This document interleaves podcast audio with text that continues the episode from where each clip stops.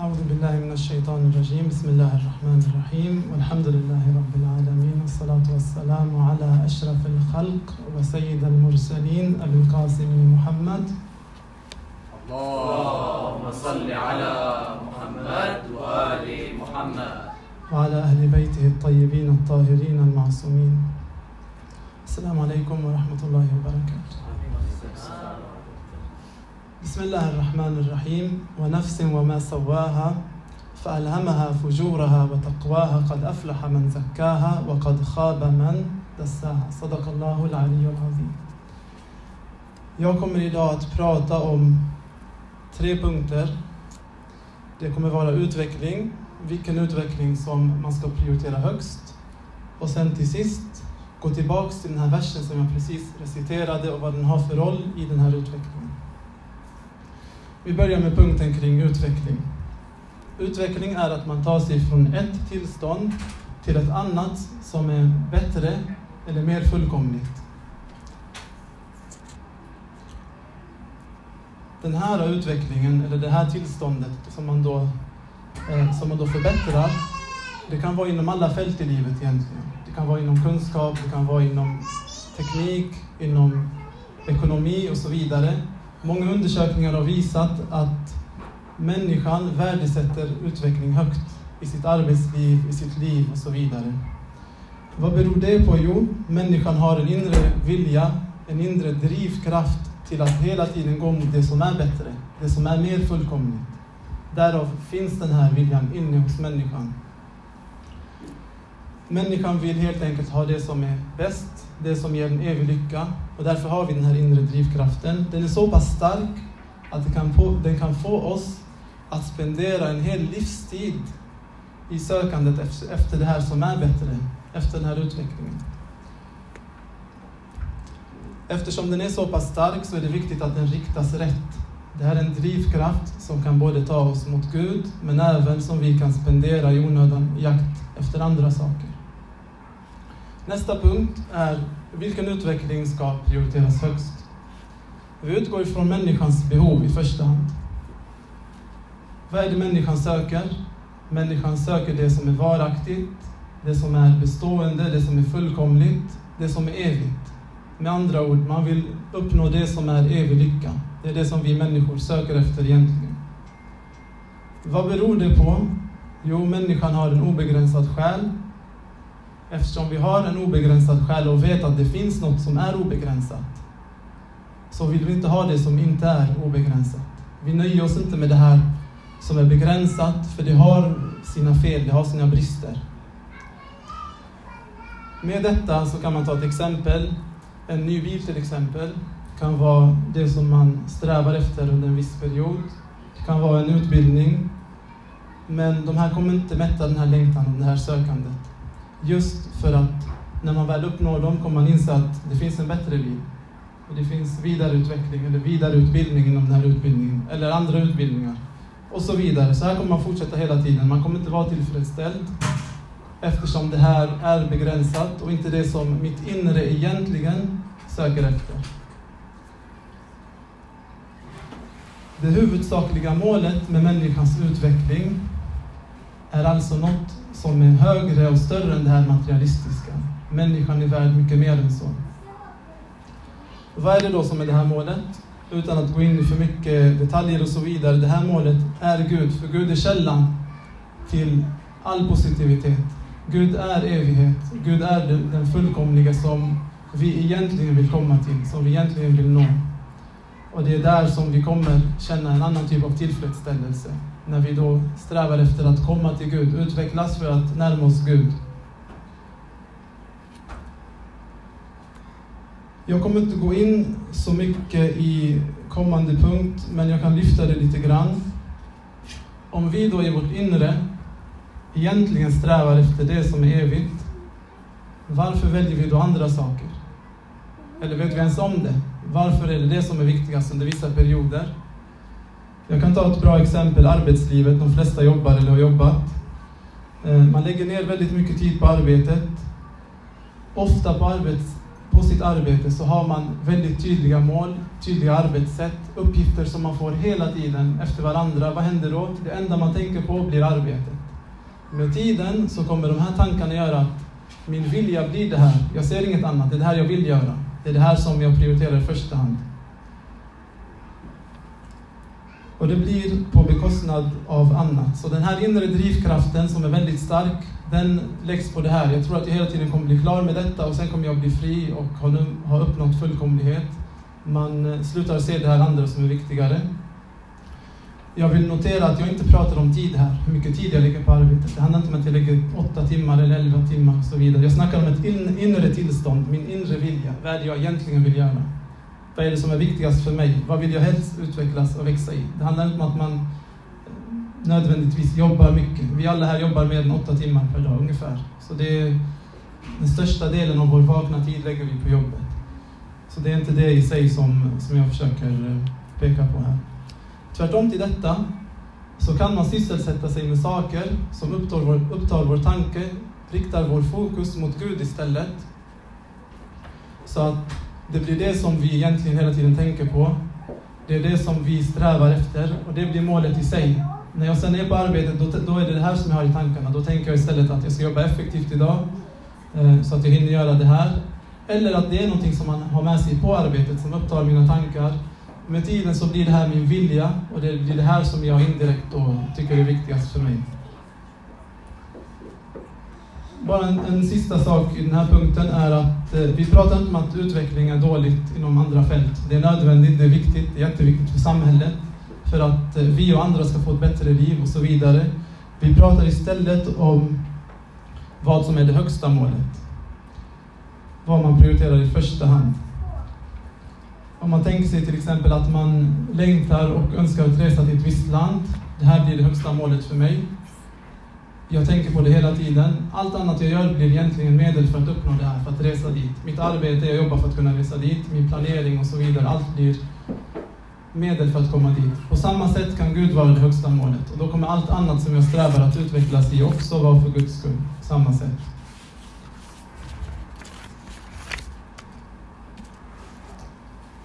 Och den sista punkten, som är lite längre än de andra punkterna, den handlar om den här versen som jag nämnde i början. Och det är ونفس وما سواها فألهمها فجورها وتقواها قد أفلح من زكاها وقد خاب من دساها Den här versen, den är från Sura Mubaraka Shams. Den här suran inleds med elva eder. Det är mer än någon annan sura i den heliga Koranen. Elva eder i början. Vad betyder det? Det betyder att Gud vill säga något som, som är jätteviktigt. De här ederna i sig, de pekar på väldigt stora fenomen. Vid solen, vid månen, vid dagen, natten, himlen och så vidare. Väldigt stora fenomen som i sig, om man reflekterar lite grann, gör att man kommer se hur, hur vacker den här helheten i skapelsen är. Perfekt balans i minsta detalj och så noggrann och så enhetlig att det pekar på en skapare. Så Gud i början med de här ederna, dels betonar att det här är något viktigt som ska sägas nu efter de här ederna och pekar mot sig själv i det som ederna i början eh, pekar på. Så först ser vi skaparen i de här ederna, i alla de här fenomenen och sen kommer det här jätteviktiga som Gud vill säga. Vad säger han? Han säger وَنَفْسٍ وَمَا سَوَّاهَا فألهمها فجورها وتقواها قد أفلح من زكاها. Alltså, den som har renat och utvecklat sin nafs, det är den som är frälst. Den har, den har lyckats. Och den som inte gör det, den har förlorat. Eller tvärtom, fördärvar sin nafs, är den som har förlorat. Så Gud, efter alla de här ederna, kommer fram till en viktig punkt och pratar om att rena och utveckla sin nafs att det här är det viktigaste. Gud visar vägen. Med andra ord, att utvecklas och växa, att få sin nafs att renas, utvecklas och växa, är människans huvudsakliga uppgift i livet. Ser man, kan man läsa i tolkningar utifrån de här verserna. Och då har vi alltså tagit oss från utveckling generellt till vad som är det högsta, utan att gå in i detaljer, att nå Gud. Och här ger Gud oss ganska tydliga instruktioner på hur ska vi lyckas. Här har du det väldigt sammanfattat, enhetligt. Din nafs, rena den, få den att växa och utvecklas. Och du kommer att nå ut på det här sättet. Kort om nafs. Broder Ibrahim för ungefär två och en halv veckor pratade om nafs. Jag ska inte gå in i de detaljerna. Han pratade, han pratade lite grann om dess krafter, vad som kännetecknar dem och så vidare, om dåliga egenskaper och att eh, dåliga egenskaper är en överdrift eller underdrift i någon av de här krafterna. Jag kan kort nämna, bara för att man ska förstå helheten, en hadith från Imam Bakr och Imam Sadiq salam, där de har sagt, när de beskriver den här versen, förklarar den. Den som har lyckats, den som är frälst i den här versen, den som har renat sin nafs, det är den som har lytt Gud. Den som har förlorat är den som har trotsat Gud. Vad, vad kan man då sammanfatta det här till? Jo, att rena sin nafs, få den växa, få den utvecklas, det är en process där man får den att egentligen lyda Gud och inte trotsa Gud. Trots att jag inte ska gå in i mycket detaljer i vad nafs är, så kan jag kort eh, bara påminna om att eh, nafs är egentligen jaget. Det är egentligen vem jag är, min verklighet. Antingen har jag uppfostrat min verklighet, den jag är, till att vara under intellektets styre. Intellektet var ju en av de här krafterna. Och då inom ramar för de här gudomliga riktlinjerna. Eller så är den lämnad ouppfostrad och så vidare. Inga tyglar, den är antingen gudomlig eller ljus. Det är alltså min verklighet. Det är vem jag är, min nafs. Den hade fyra krafter sa vi. Det var intellektets kraft, vredens kraft, lustens kraft och illusionens kraft. De här krafterna har vi alltså inom oss. Och den här nafsen ska renas, växa och utvecklas för att nå Gud. Så vi är på en resa till Gud, vi har de här krafterna, vi behöver dem, vi ska inte döda dem, vi ska inte utesluta dem, vi behöver dem i rätt mängd och vi ska styra dem, kontrollera dem. Det är det som egentligen är det viktiga här. Vem är det då som ska kontrollera vad? Det här pratade också brodern om. Det är Akel, eller intellektet, som ska kontrollera de andra krafterna. Vad innebär det i praktiken ska vi gå in på lite senare. Det man kan veta och ha med sig är att vredens, lustens och illusionens kraft, de springer på allt de tycker om. Om man lämnar dem då fria, springer de på allt som de tycker om. Man har alltså tendenser inombords att hoppa på det som man tycker om, eller det som de här krafterna tycker om, utan att, om man inte tänker till innan så har man en sån här inneboende tendens att de här krafterna kan få en att bara slänga sig in i olika saker utan att tänka efter, beroende på vad de tycker om.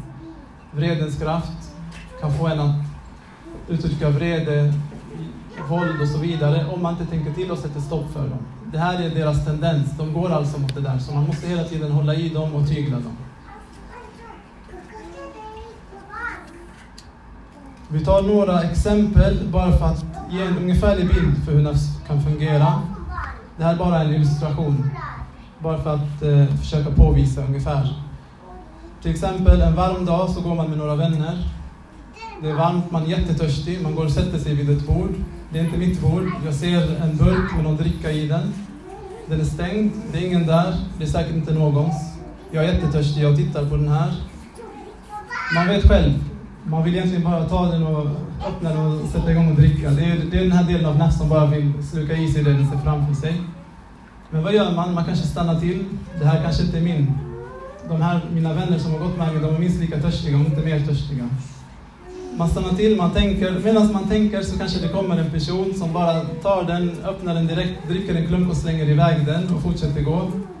Här ser man bara tydligt att en person har tänkt till innan. Att tänka, det är ju intellektet som, som är igång. Man tänker, man väger vad som är rätt och fel och man tar ett beslut. Så här har intellektet lugnat ner allting, hållit ordning, ställningarna under ordning.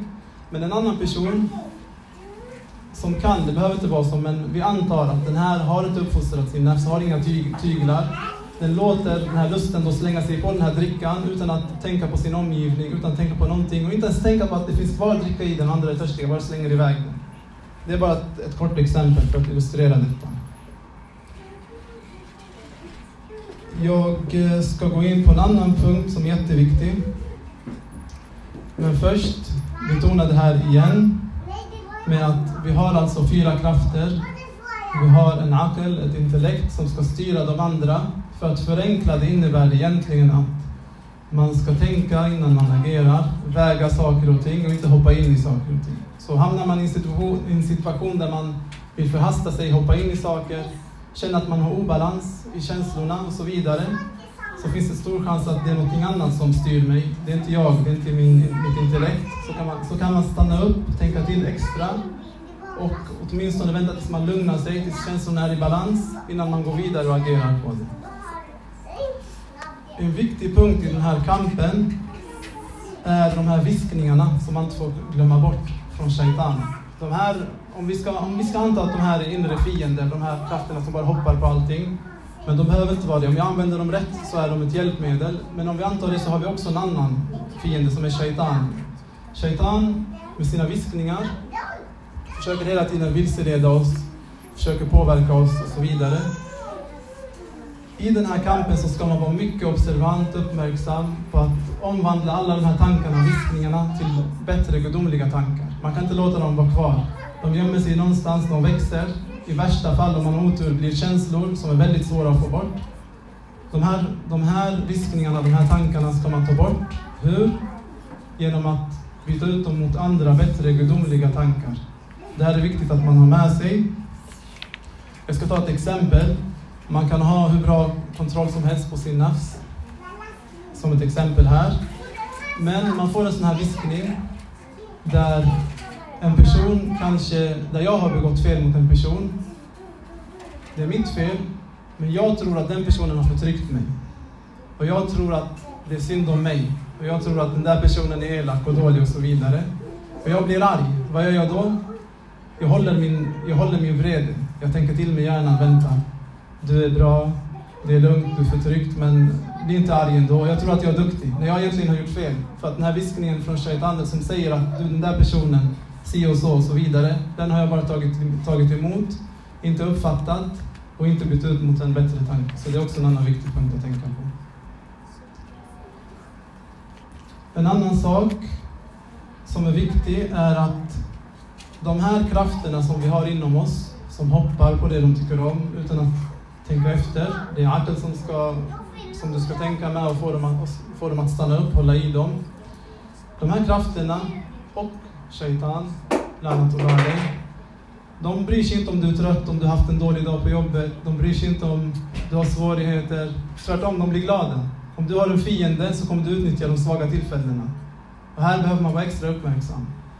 De kommer ta tillfället i akt. De bryr sig inte, de kommer hoppa på det de vill hoppa. Shaitan kommer viska ännu mer och så vidare. Så där får man vara extra uppmärksam. Men man kan inte skylla på något i efterhand.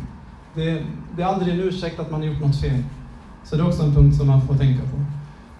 Vi går in mer i hur man gör i praktiken. Nu har jag bara pratat generellt om nafs och vad det innebär att tygla sin nafs och så vidare. Om vi går in i praktiken lite mer. Vad behöver man ha när man jobbar med sin nafs? Först och främst behöver man ha ett konsekvent, alltså ett program, ett regelbundet program för att göra detta. Man behöver jobba systematiskt med detta. Första kriteriet för att lyckas i den här resan är att eh, känna till halal och haram, att följa gudomliga riktlinjer. Det är egentligen ett grundkrav för att ens kunna lyckas i den här resan. En annan sak som är till stor hjälp, att fokusera på sin ikhlas, att man gör saker rent för Gud. För den som är khalis, den som gör saker rent för Gud, den vet vi enligt Koranen kommer Shaitan alay, inte ha någon makt över. Så fokusera mycket på att saker gör, rent, görs rent för Gud. Och framförallt, som jag har betonat och tagit upp flera gånger, att man ska tänka innan man agerar. Yes, så det här konsekventa programmet ska man ha. Och mer specifikt, varför ska man ha det? Islam betonar mycket struktur och disciplin. Bönen ska vara i tid, med andra ord inom parentes punktlighet. Bönen ska vara två bönenheter på en viss tid, fyra på en annan tid, tre på en annan tid. Mycket har med disciplin och struktur att göra med sitt liv. Likaså det här arbetssättet, det ska vara strukturerat, det ska vara konsekvent. Om vi till exempel tar ett exempel från vårt verkliga liv. Hur sker utvecklingsarbete idag? inom, inom branscher som jobbar med kvalitet så har man nästan alltid ett system som hela tiden dokumenterar allt som görs. Bara för att kunna spåra tillbaks och veta vad som har hänt om det sker något fel. Och sen har man utvärderingar, man går igenom all, alla de här rapporterna, de här felrapporterna eller vad de nu kallas, avvikelserna och så vidare. Det här arbetssätt, arbetssättet är systematiskt. Det är bestämt exakt hur det ska göras, när det ska göras. Man avviker inte från det. Det är väldigt disciplinerat och strukturerat. Man har alltså en daglig bevakning av verksamheten och sen utvärderar avvikelser och så vidare. Vad är, vad är resultatet av det här? Resultatet är att man hela tiden utvecklas till det bättre, upptäcker fel och eh, så vidare. Nu till den här viktigare uppgiften som Gud har sagt leder oss till lycka, att bli frälst, att vi blir frälsta. Och det är att vi hela tiden renar och får vår nafs att utvecklas. Hur ska vi göra det? Hur ska vi få det här programmet? Islamiskt kan man tala om eh, musharata. Det är, egentligen är det att man har utvärderat sig själv, man har reflekterat och eh, man har man har kommit fram till en slutsats, man vet att någonting behöver göras, man ställer ett krav, ett ultimatum till sig själv. Du, idag ska du till exempel inte baktala någon, eller liknande. Sen har vi något som heter Muraqaba, det är en annan del i det här programmet. Självbevakning. Man bevakar sig själv hela tiden. Vad innebär det att man bevakar sig själv? Jo, man lär känna sig själv, man vet vad de här fyra krafterna är för något, hur de funkar, vad de vill. Och man håller ett extra öga på dem hela tiden för att se hur de reagerar i olika situationer. För att veta när det är intellektet och när det är någonting annat som, som ska styra. Om vi börjar med, med Musharata, där sa vi, man hittar en viktig kritisk punkt som man behöver bearbeta, man sätter igång med den. Man prioriterar, man hittar säkert flera saker som behöver bearbetas, men man väljer det viktigaste och sätter igång med det. Vad gör man sen? Man måste bevaka och få in de här, den här informationen om att här sker det fel, här sker det avvikelser. Och det är morakaba, man håller ett öga på sin nafs. Tänker innan man gör saker. Man använder alltså sitt intellekt som får ta det sista beslutet. Vad kan man tänka på där när man bevakar sig själv? Det här är ingenting som man kan släppa. Man får hitta sin balans, självklart. Det, så att det inte blir överdrivet. Det finns en balans i det, vad som är rätt. Allt har överdrift och underdrift. Men man håller ett öga på sig själv. Man lär känna sig själv. För vi vet mycket väl att om vi vill lära känna en person, då måste vi umgås med personen. Vi måste se personen. Vi måste, man brukar säga att vill du lära känna någon, res med personen. För att man umgås med varandra, man ställs inför olika situationer. Lär känna din nafs, bevaka den, se hur den reagerar på olika saker. Bearbeta den och så vidare. Det är ett sätt för att undvika att göra misstag, fånga upp fel. Vad gör man då med det här som man har fångat upp? Då har vi muhasaba som man helst, det är individuellt, men, men man kan göra det när man fortfarande inte är alltför trött, någonstans på kvällen. Då samlar man in allt det här som man har gått igenom under dygnet. Man utvärderar dem, man ser vad som behöver göras, tar ett beslut och sen sätter igång dagen efter. Det här, det här är alltså ett strukturerat system för att rena och få sin nafs att utvecklas. Vad ska man tänka på sen? Jo, det här är ett system som, är, som man egentligen gör så länge man lever. Det finns ingen situation där man kan släppa det. Det finns, det finns ingen situation där man kan känna sig säker från sin nafs och shaitan och så vidare. Det här är ett evigt program. Det är inte jobbigt. Ni såg tre punkter.